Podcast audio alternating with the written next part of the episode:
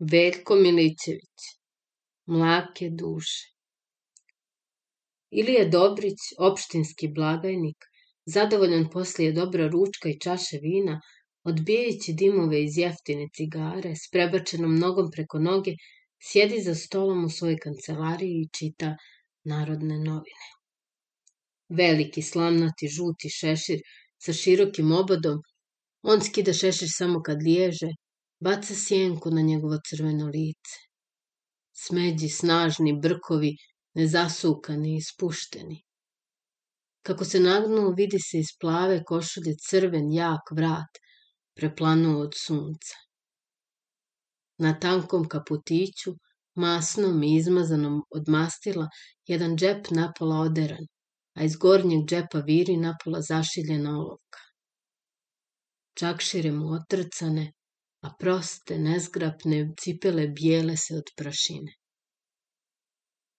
Kancelarija je bila mala, niska soba sa rđavim patosom, smala dva prozora s ispucanim i poispadalim staklima koje se ljeti ne opravljaju, sa starim odužim stolom sa ogradom prema vratima. U kutu se zbila mala Wertheimova kasa. Pored zidova, na tri strane sobe, Bile su svuda police, pune protokola i starih požutjelih spisa, smještenih u korice od tvrde plave hartije, a iz korica virili objašeni brojevi različitih godina. U kancelariji nije bilo nikoga osim Ilije Dobrića. Panduri su kosili kod načelnika, dvojicu pisara vidio i gdje spavaju pod kruškom iz općine, pokriveni kaputima po glavi. Prozori su bili otvoreni i stari jasen s velikom krošnjom punom tamno zelenog lišća zaklanja vidik i čini se da je u sobi malo mračno, ali zato sa svojom sjenom razblažuje vrućinu sparnog dana. Lišće jedne grane dodiruje prozorsko staklo. Iz krošnje jasenove, kroz koju se gdjedje provide komadići bijelo-plavog neba, čuje se žagorenje vrabaca i zujanje kukaca ali to ne smeta Iliju Dobrića.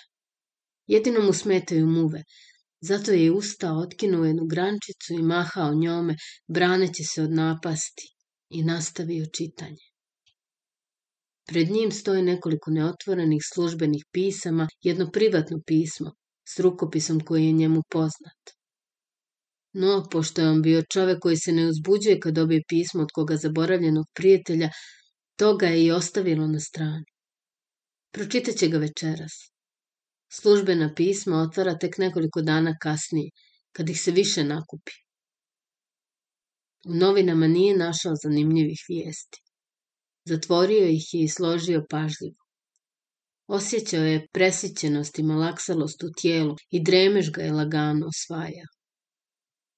jednom se sjetio pisma, stresao glavom, tjerajući muve i uzeo ga u ruke, ispitujući ga pogledom. Razmišljao je ko bi to bio da mu piše. Ako mu što treba, on mu ne može i neće dati, a ako mu ništa ne treba, zašto da troši pare na poštarinu? I on sleže lagano ramenima, ostavi cigaru na stranu i razrezivaše pažljivo kuvertu nožem koričnjako. Pismo je bilo kratko. Ili je Dobrić ga preleti očima i promeškolji ste na stolici. Crveno lice mu preblijedi, a čelo mu se namršti. Osjeti kako mu se dva mlaza znoja cijedan iz lica. Prsti mu se ukočiše i iz njih ispade pismo na sto. Blaganik ustade i prođe po sobi gore dolje nekoliko puta. Zatim dohvati s nervoznim gestom prašnu dvolitru s vodom i nagno je na usta. Voda je bila ustajana i mlaka no on to nije opazio. I onda se zaustavi u najkraćem uglu sobe i posmatraše izdaleka staru malu kasu s koje se bila oljuštila boja. Gledao je kao neko nepoznato čudovište s jednim strašnim, uplašenim pogledom. Ilija Dobrić uze ponovo pismo u ruke i čitaše ga još jedan put. Jandrija Babić, županijski dnevničar i njegov davni poznanik, Javljao mu je da se doznalo kod županije da u kasi Ilije Dobrića nema toliko novaca koliko bi trebalo da bude. Dakle, ako je to istina, što on ne vjeruje, neka se pobrine da izravna deficit prije dolaska komisije. Blagajnik se sjećao da je zaimao iz kase novaca u nekoliko mahova. Pokrivao je kuću, prikupljivao je nešto zemlje, vraćao jedan dio duga štedionici pa kad pođe u Kotar, uzimao je pomalo novaca da mu se nađe kad se sastane s gospodinom predstojnikom i drugom gospodom iz Suta i Kotara. Baš pravi obješenja taj predstojnik, govorio uvijek Ilija Dobrić. Što slavno igra karata, a opet mu ide karta kao luda. Ja samo vadim banku po banku, a on je samo nemarno zgušva i strpa u džep. Tu je Dobrić ima običaj da nešto opsuje radi većeg efekta. Ali zato voli me, uvijek se smješka na me i tapše me rukom po ramenu. Pozove me kad god i na užinu. Otvori vrata i viče ženi još iz daleka. Danas će naš Ilija biti kod nas na užini. Ali danas Ilija Dobrić nije se sjećao gospodina predstojnika kao jednog milog poznanika. Gledao ga je u društvu s komisijom kako se drži malo podalje, kako ima žalosno lice, kao da se njemu desila kakva neugodnost, pa onda kako mu dobacuje po koji pogled kriomice od komisije što izražava sažaljenje i kaže koji ti đavo je Dobriću da potrošiš tuđe pare. I on instinktivno omrznu gospodina predstojnika. Zatim se diže teškom kretnjom i skinu debelu knjižurinu primanja. Pisao je, računao, prevlačio i mijenjao pera. Svega ga je bio probio znoj. Nije mu ništa smetala, ni vrućina, ni muve, nije ni osjetio kad uđoše pisar i uzeše mu sa stola novine, čudeći se njegovoj vrednoći.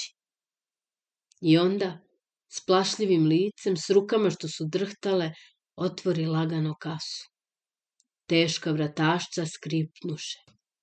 On izvadi malu prljavu kesicu izvuče desetak banknota i istresene što srebra koje odzveknu nekim satanskim zvekom u glavi ili je Dobrića.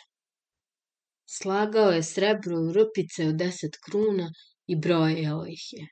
Pero mu je drhtalo u ruci i on je zaboravljao brojeve kad ih je htio da zapiše. Oko krajeva usta pojavile mu se dvije žalosne, bolne, beznadne crte. Donja mu je usnica podrhtavala. Šaputao je, brojao, pisao, sabirao, oduzimao, prilazio kasi, pregledao je, sagibao se i tražio nešto, zavlačeći ruke unutra i ne nalazio ništa. Onda je izvadio svoj novčanik iz džepa, istresao iz njega nešto preko pet kruna i pridodao onoj rupi, kao da će je povećati. Sve je bilo badava.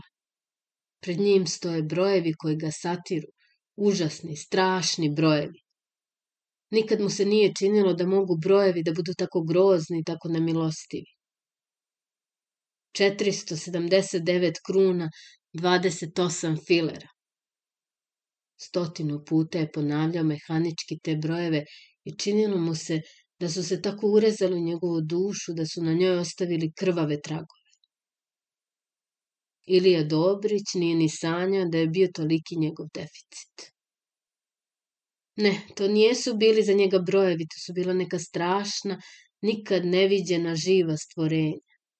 Oni su igrali pred njegovim očima u različitim bojama, skakali, poigravali, premetali se kao da ga ismijavaju. I on je blenuo u njih, preneraženim, poniznim pogledom, kao da je od njih moli milost, da mu oproste. Pa onda dođe mržnja, luda mržnja, kao da su mu oni nešto skrivili. I on sjeđaše tako neko vrijeme, ukočen, nepomičan, s poluotvorenim ustima, s ludačkim pogledom, sav klonu u stolicu sa obješenim rukama.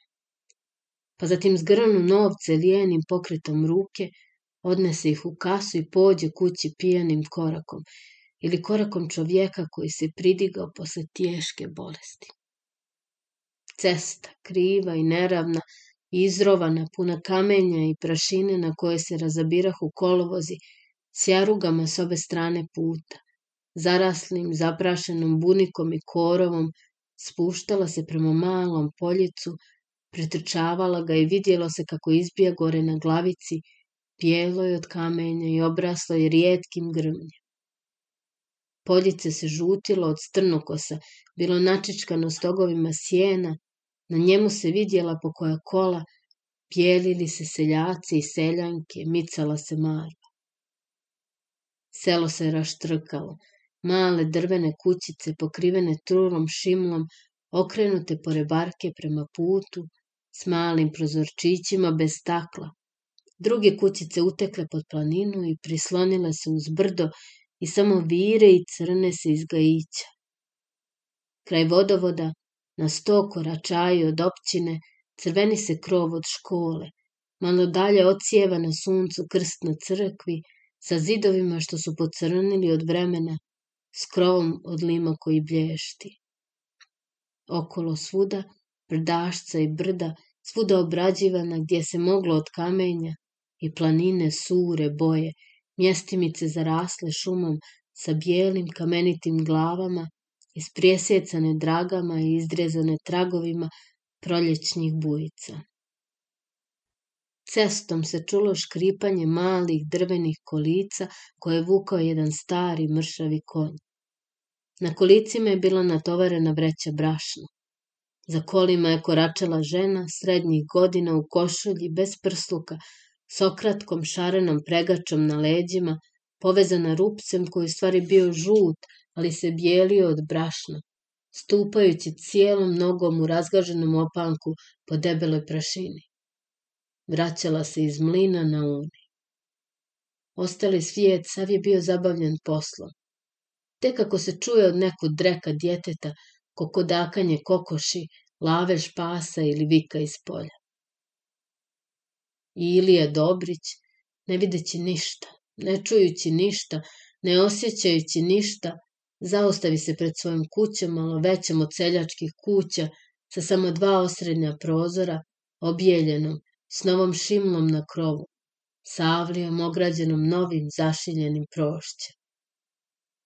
Po avliji se vidjele kokoši, a malo na strani iz jedne plitke jaruge pune blata i vode što odsijeva na suncu čulo se roktanje dvaju prasaca. Podalje se vidjela staja s otvorenim vratima, pa vrt pun još neotresenih plavih šljiva iz čih se granja crnilo dvoje njegove djece. U vrh bašće žute se sadjevena dva stoga sjene. Uz staju prislonjena mala kola za vožnju, obojena zelena. U sjeni od kola drijema pas, opruživši sve četiri noge. Ilija Dobrić ne nađe ženu kod kuće i bi mu milije da je sam. On uđe u sobu sa navučenim zavjesama, punoj sumraka i hladovine sa šarenim ćilimom na podu, s nepokrivenim okruglim stolom, s jednim divanom, prevučenim crnom ispucanom kožom, sa ikonom Svetog Jovana pod kojim je bilo napisano njegovo ime staroslovenskim slovima, s mnoštvom nejasnih fotografija bez okvira po zidovima. Iz druge sobe vidjeli su se kroz otvorena vrata kreveti i dvije duge puške na zidu. Blagajnik baci šešir na stolicu, svuče kaput i baci ga preko šešira i oboje se spuza polako na zemlju. On se tresnu na divan koji pusti iz unutrašnjosti zvuk pera od žica i zaljulja se. Oči Ilije Dobrića zaustaviše se u zelenim petljancima male zemljane peći i ostadoše tamo nepomičan. Srce mu je lupalo, a mozak činio mu se da je zavrio. Stotina misli, stotina slika padalo mu je na pamet u jedan mah i kad je htio da se jedne prihvati, one su se sve zajedno nekuda utekle i izgubile se. Svega se na jednom sjećao, a ni o čem nije mogao posebice da razmišlja.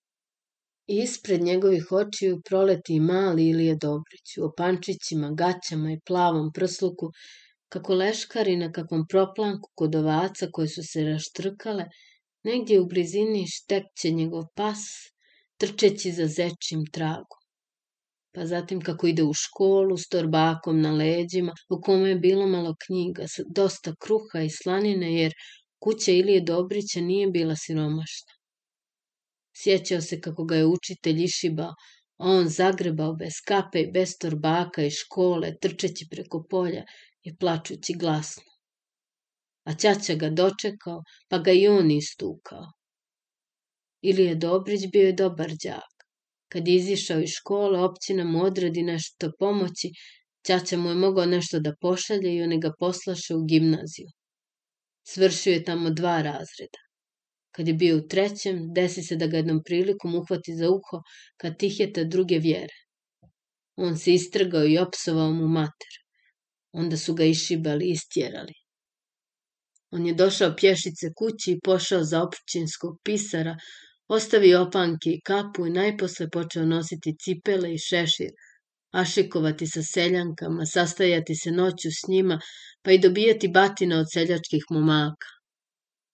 On je ipak bio zadovoljan životom. Poslije blagajničkog ispita on je počeo da misli na ženitbu. To jest, on je posljednje vrijeme mislio na ženitbu jer s ovom ženom s kojom živi nije bio vjenčan, a i zato su ga tužakali. To je bila dosta lijepa udovica jednog žandarma s malom penzijom. No ta ženitba je bila, što kaže gospodin predstojnik, samo provizorna.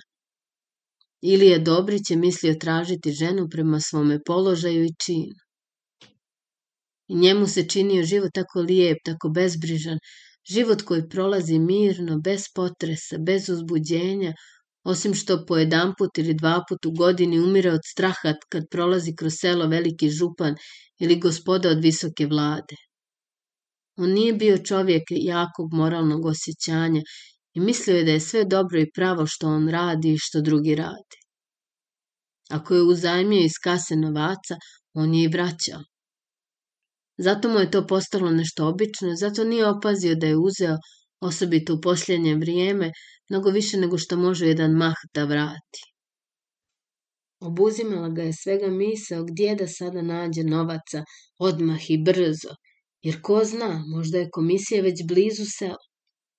Već mu se činilo da čuje zvrijanje točkova iz veket praporaca na konjima koji dovode komisiju.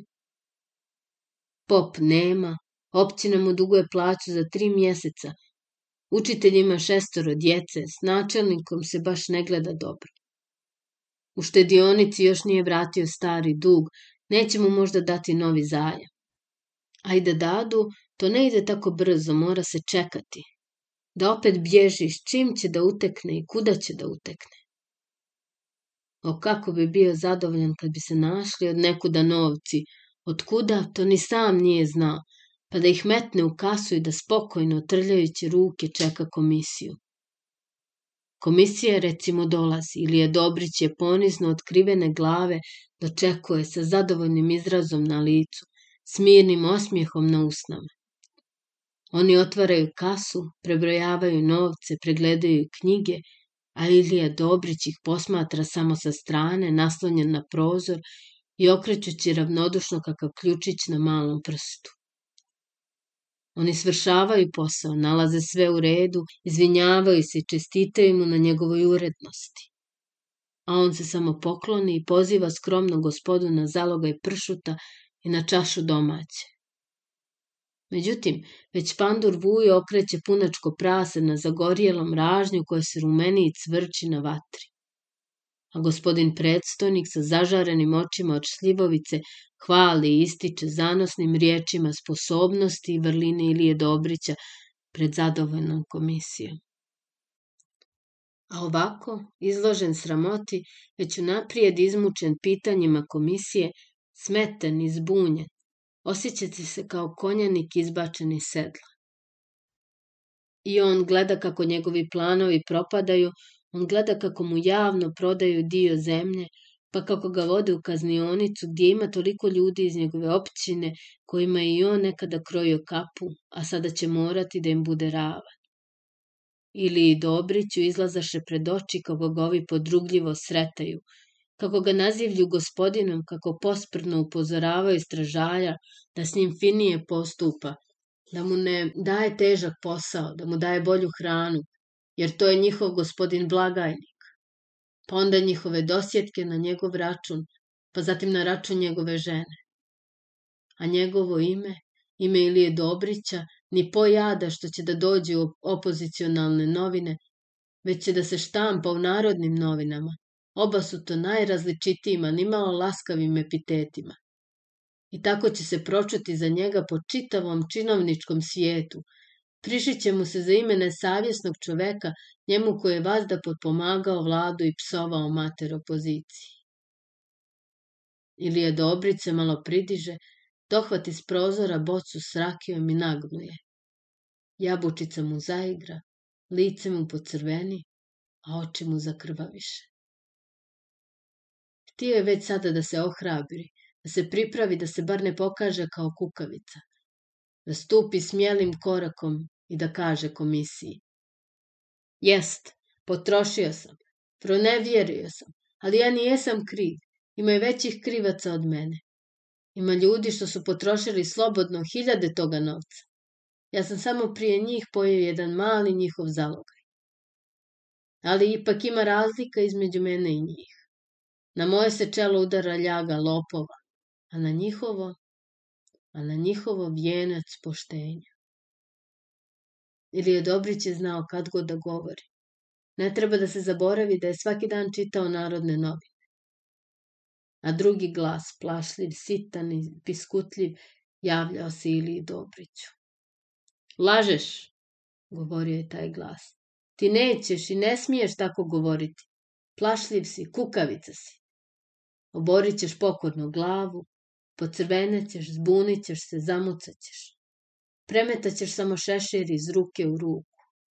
Gospoda su ono, fino obučeni, sa prstima punim prstenja, sa zlatnim lancima. Svršili su velike škole, govore njemački, svaki dan se sastaju sa velikim županom. Ne, ne, ponavljao se na glas u njemu. Ti nećeš i ne smiješ ništa govoriti ili je Dobrica mu zastanja, pa se požudno prihvati boce jedan put, dva put, dokle nije ostala prazna. Najprije mu se učini da se nešto u njegovom mozgu zamuti, pa onda ugleda jedno nebo, puno vedrine, prirodu, puno sunca, Vidio je svoje zadovoljno lice, vidio je vazda prema njemu nasmijana gospodina predstojnika, osjećao tapšanje njegove gospodske ruke na svom ramenu Slušao ga kako mu veli svojim zvonkim glasom naš Ilija. Komisija, deficit, sve to uteklo neku daleko ili postalo nešto malo, nešto neznatno, sićušno, nešto što se ne vidi i o čemu ljudi ne vode računa. I on se okrenu prema zidu i zahrka. A njegov život pričinjavao mu se kao duboka pjeskovita jama, nalik na grob u kojoj on leži i gleda jedno parče neba, vedrog ili oblačnog. Do ušiju mu dopire samo lagani, jednolični šum izdaleka. Ali na jednom čulo se nešto strašno. Nebo je postalo mračno i crno. A izvana je dopirao neki užasan šum što je postojao sve grozniji i ulijevao više straha čim se bliže primicao. To se prelijeva rijeka života, prljava i žuta rijeka. Preplavljuje i zasipa muljem grobove mlakih duša.